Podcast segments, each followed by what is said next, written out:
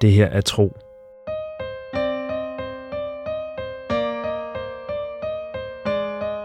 En eventyrlig podcast-fortælling i 55 afsnit.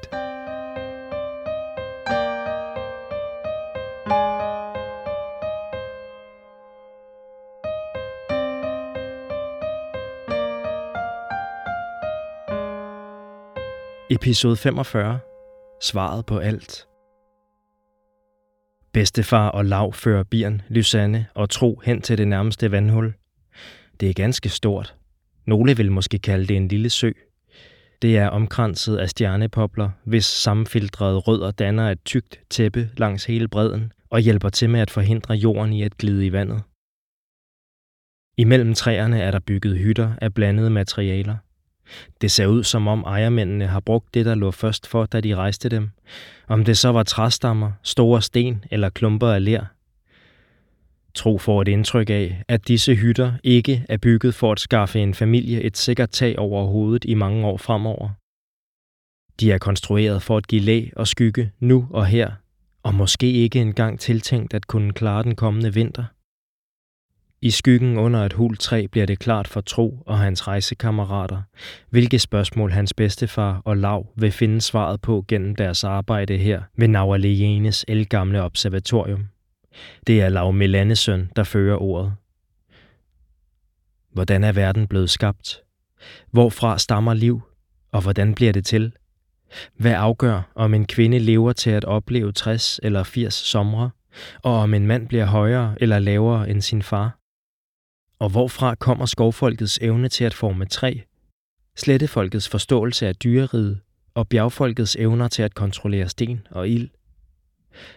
Fra guderne, siger Bjørn straks med en hovedrysten, som om han skal til at fortælle et lille barn, at solen kun skinner om dagen. Milane og Alvadora har sammen skabt folk og dyr, og Yrlur og Isiris har skabt træer og planter. Den vise Vyra har anvist folkene deres hjemsteder og lært de første folk at beherske ilden og beskytte sig mod elementernes kræfter og årstidernes skiften? Det mener du, svarer Lav ham. For det har vi fået fortalt igen og igen af vores forældre, og det er de samme fortællinger, vi giver videre til vores børn. Men på sletterne er det anderledes. Tro og se har lært, at den guddommelige kraft er i selve naturen og ikke findes blandt guderne, og i bjergfolkets fortællinger er det den elgamle strid mellem de mægtige guder, Ir og Års, der skaber liv og forandring i verden. Hvem har ret? Ingen svarer. Lav fortsætter selv. For alle kan ikke have ret på samme tid, det er klart. Hvis bjergfolkets tro er sand, kan vores eget folks nødvendigvis ikke være det. Tro ved godt, at han indtil for kort tid siden selv rystede på hovedet af de beretninger om skabelsen af verden som man fortalte i andre folkeslag. Men nu hvor han har rejst sammen med Feras, Birn og Lysanne og lært om deres måde at se verden på, er han ikke længere så afvisende over for andre folks forestillinger. Måske betyder det ikke noget, siger han, om kraften og livet så er i altet, om de er blevet givet til folk i et samarbejde mellem guderne, eller om de stammer fra stridende guders tilfældige indfald. Måske er det ikke så vigtigt, hvad man tror – Hans bedstefar løfter et spørgende øjenbryn. Han ser åbenbart også en ny side af tro. Jeg mener, tro leder et øjeblik efter ordene. Kraften er jo den samme. Livet er jo det samme. Det andet er bare fortællinger, som folk tror på, fordi de får deres liv til at give mening. Lav nikker, måske med en vis anerkendelse af tros måde at stille tingene op. Men hvad så, hvis det rent faktisk gør en forskel, hvor kraften og livet kommer fra? Hvis man kan finde frem til, hvordan denne energi bliver skabt, og hvis man så kan bruge denne energi til at forstå, hvordan hele verden er bygget op, til at udforske dele af verden, man ikke kender til i forvejen, måske endda til selv at skabe nyt liv. Tro kan ikke lide, hvad han hører. Så vil jeg mene, at man var i færd med at prøve at gøre sig til herre over altet, og så vil jeg også mene, at man skulle holde op, fordi det kan være farligt at ændre ved altets opbygning. Bedstefar lægger igen armen om ham. Hold nu op, tro. Du vil da vel ikke fortælle mig, at du ikke drømmer om at forstå altet helt til bunds? At du ikke tænker over, hvad der befinder sig på den anden side af de højeste bjerge, eller bag ved isfolkets øer? Du vil da ikke sige nej, hvis du kunne få svaret på, hvilke skatte der gemmer sig i jordens dyb, eller om der er andre verdener som denne. Jeg kender dig, min tro. Jeg ved, du altid har ønsket at finde frem til sandheden. Og jeg ved, at netop du med dine fantastiske evner kan besvare spørgsmål, som vi andre end ikke kan stille. Det var derfor, jeg sendte dig afsted. Bedstefar skæver til tro, som får at aflæse hans reaktion. Da Tro ikke virker overrasket, udbryder han. Du vidste det? Tro nikker. Feras fortalte mig det. Han er ikke vred over det længere. Men nu hvor bedstefar selv indrømmer at have spillet en rolle i at sende Tro afsted med den omrejsende, går det op for ham, at han ikke kender den gamle mands grund til at gøre det. Ikke hele grunden i hvert fald. Tro fortsætter. Men Feras kendte tilsyneladende ikke til skovhjertet, og vidste ikke, at du ville have mig til at opsøge Birn. Hvad havde du fortalt ham? At jeg trængte til at komme væk fra min far og mor og opleve andre dele af verden? At jeg var snæversynet og fordomsfuld og havde brug for at se, hvordan andre folk lever? Noget i den stil, indrømmer bedstefar. Og at jeg var sikker på, at dine evner ville blive langt bedre udnyttet, hvis du kom væk fra landsbyen og det ensformige arbejde i sletterne. Mm, jeg kan lide det arbejde, jeg kan lide at hjælpe til, mumler Tro. Det ved jeg, min Tro. Bedstefar knuger ham hårdere. Derfor blev jeg også nødt til at gøre mere end blot overtale Feras til at tage dig med. Nu ser Tro overrasket på bedstefar. Så går det op for ham, hvad den gamle mand har gjort. Omtrent samtidig med, at han selv fortæller det. Det var mig, der lavede pilespidsen og lagde den ved stien, hvor jeg vidste, at du ville finde den. Det var mig, der plantede ideen i dig om, at skovfolket fra Melandes horn havde jaget i sletterne og sendt dyrene på flugt. Tro, udbryder Birn. Skovdrengen ser forskrækket på ham. Var det derfor, du kom til os? Fordi du troede, at vi havde brudt grænseaftalerne? Kom du for at holde øje med os? Til at starte med, indrømmer Tro, men jeg indså hurtigt, at jeg havde taget fejl. Og siden da har jeg nærmest ikke tænkt på den pilespids, du må ikke være vred på mig. Det er jeg heller ikke, siger Bjørn efter lidt betænkningstid. Du havde din grunde til at tro, som du gjorde, og nu er du blevet klogere. Vi er alle sammen blevet klogere. Er du vred på mig, spørger bedstefar, og ligesom Bjørn behøver tro ikke tænke længe over svaret. Nej. Hvis du ikke havde gjort det, var jeg aldrig draget afsted med Feras. Jeg vil ikke have set myrne eller Milanes horn. Jeg vil ikke have sejlet på Eldasøen, og jeg vil aldrig have besøgt de ensomme søskende og lært, hvor langt mine evner rækker. Du har været ved livets vej, udbryder bedstefar grinende. Det glæder jeg mig til at høre mere om. Jeg vil heller ikke have truffet mine nye venner, tilføjer Tro, og smiler til Lysanne og Birn. Jeg vil have fortsat mit liv som hidtil, og aldrig fundet svaret på, hvorfor altet ændrede sig for øjnene af mig. Har du da lært svaret på det, spørger Lav hemmelighedsfuldt. Ikke helt, må tro indrømme, men jeg er ganske sikker på, vi er ret sikre på, retter han sig selv, at forandringerne har noget at gøre med stedet her, og det I foretager jer. Han ser sig omkring og tilføjer, øh, hvad det så end er. Lav nikker. Jeg vil ikke afvise, at Boans arbejde påvirker andre dele af verden. Lysanne spærer sine store øjne endnu mere op – påvirker. Floder og fjorde er tømt for fisk. Skovens dyr er flygtet, og det samme på sletterne. Mystiske huller opstår, som virker til at suge liv og kraft ud af deres omgivelser. Folk forsvinder fra det ene øjeblik til det andet. Jeg har mistet min søster. Kaldes det påvirker af dig? Lav løfter hænderne afværgende. Måske er det et forkert ord. Jeg giver dig ret i, at Borens arbejde ændrer verden, som vi kender den. Det har jeg jo selv mærket i skovene. Men al forandring er ikke til det værre, og nogle gange er der brug for en periode med usikkerhed og omvæltninger, hvis man vil gå en ny tid i møde.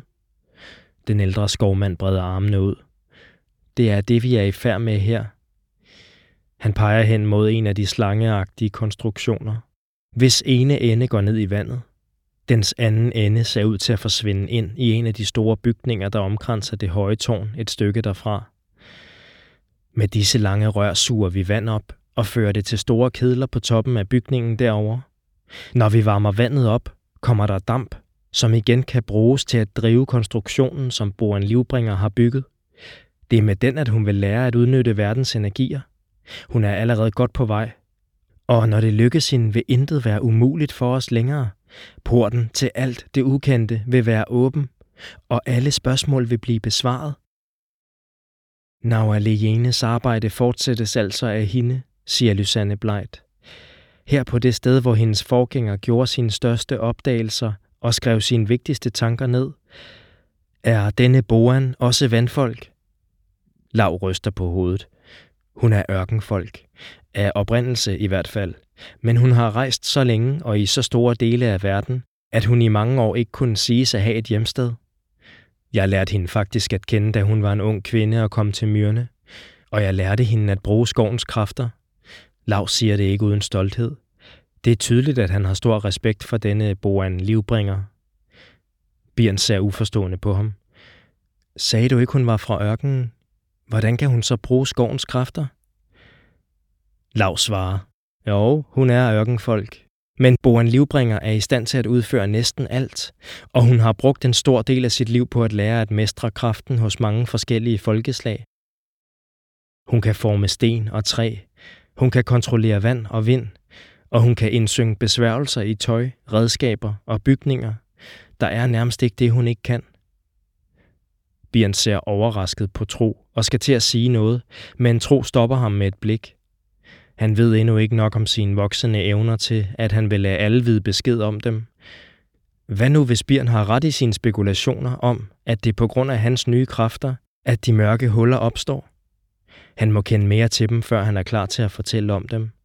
Og når det sker, vil han gerne lade bedstefar være den første, der ved besked. I stedet bryder Tro ind med et spørgsmål, der dukker op i hans hoved. Hvad med brændsel til at holde de store kedler i gang? Og tømmeret til at bygge alle disse hytter og slanger og konstruktioner? Tro bilder sig ind, at han allerede kender svaret, men er alligevel nysgerrig efter at høre, hvad Lav vil sige. Der er masser af brænde i skovene. Mit folk har så mange træer, at vi sagtens kan bidrage til at holde Borens arbejde i gang. Af alt, hvad Lav har sagt indtil nu, virker dette til at gøre det største indtryk på Bjørn. Hans stemme lyder svag, da han siger, ved du, hvor store ødelæggelserne er? Lav nikker. Jeg gik selv den vej efter, jeg var blevet tilkaldt. Jeg er lige så meget skovfolk som dig, og jeg græder også over det offer, vi har måttet bringe. Men du må tro mig, når jeg siger, at det er gjort i en større sags tjeneste. Bjørn ryster vantro på hovedet. Min far er klar til at gå i krig mod folk i havnebyerne på grund af træfældningen. Rundt omkring i alle skovbyer ruster folket sig til at forsvare deres grænser mod truslen udefra. Hvad hvis de griber til våben mod andre folk? Er det så også et nødvendigt offer i en større sags tjeneste? Det kommer ikke dertil, siger Lav bare. Boren vil nå at gøre sit arbejde færdigt, inden konflikten udvikler sig, og alle folk, både dem i byerne og i skovene, vil få gavn af de opdagelser, hun vil blive i stand til at gøre. Lysanne bliver ved. Og hvad med de advarsler, vi får fra historien? På den tid, Naualejene foretog sine eksperimenter, var der også beretninger om mystiske mørke væsner, kaum, som fik folk til at forsvinde på mystisk vis. Hvad hvis historien er ved at gentage sig, fordi I roder ved kræfter, der ikke forstås af jer? Lav trækker i sin skægflætning med en irriteret mine. Jeg har jo fortalt jer, at folk ikke er forsvundet. Vi er ikke forsvundet. Vi er lige her. Af vores egen fri vilje er vi vandret hertil, fordi vi følte os kaldet til en vigtig sag. Bedstefar lægger en arm på sin gamle ven, som får at berolige ham. Jeg husker godt Feras fortælling om de mystiske mørke kaom. Jeg husker mange af hans historier, og de er som regel underholdende, men ikke altid sande. Hvis det er rigtigt, at beretningerne om Kaum er fra samme tid som Naualienes opdagelser, kan det da være, at folk valgte at følge hende og hjælpe hende med hendes arbejde, ligesom vi har gjort i vores tid. Men det betyder jo ikke, at folk er forsvundet. Det betyder blot, at de har valgt en anden vej gennem livet, end den, deres folk havde tiltænkt dem. Og hvad er der galt i det? Det snorer i Tros hoved. Som altid forstår bedstefar at vende alting omvendt, så han bliver i tvivl om, hvad han selv tror på. Han må lukke øjnene et øjeblik, mens tankerne suser forbi. Han ser træerne visne i myrne og den mørke kraft, der glider snene ud af floden. Han ser høvding Arba sidde forstenet af sorg, og Lysanne, der tvunget af sult, forsøger at tage mad fra Feras kære. Han ser skovfolk slibe deres spyd og pilespidser, mens folk fra hele verden forlader deres hjem og familier for at slutte sig til Boren Livbringer. Han ser lærsnuderne, der sky og bange flygter fra forandringer i naturen, de ikke forstår. Han ser altets tæppe af liv blive stadig mere flosset og hullet for hver dag, der går. Alt, siger han. Alt er galt. Og det virker ikke til, at de forstår det. Men måske hvis I fører os til Boren Livbringer, og vi kan forklare hende, hvordan hendes eksperimenter er ved at ødelægge resten af verden, kan vi nå at rette op på det? Lav ryster bestemt på hovedet. Boren kan ikke forstyrres. Hun er i sit tårn og arbejder dag og nat på konstruktionen. Vi kan ikke ødelægge hendes koncentration med jeres barnagtige bekymringer. Men det er vigtigt, Bjørn trækker sin grandonkel i ærmet. Hvis hun vidste, hvad Tro har set, ville hun øjeblikkeligt holde inde. I må hjælpe os med at stoppe hende. Lav ser på bedstefar. Der er et alvorligt udtryk i hans ansigt, og øjnene synes at stille et spørgsmål. Bedstefar nikker stille. Nu virker han både sovmodig og træt. Hvis I ikke er kommet for at hjælpe os, er I imod os. Vi kan ikke tillade jer at afbryde borens arbejde. I giver os intet valg. Tro ser mørke skygger dukke frem bag de huletræer. De er ikke alene. Sådan slutter denne episode af Tro. Se et kort over alle stederne i fortællingen på tropodcast.dk. Her kan du også se Christian Funders flotte illustrationer. Tro er skrevet, produceret og indtalt, denne gang lidt hæst, af mig. Jeg hedder Mikkel Prytz, og jeg håber, du lytter med næste gang.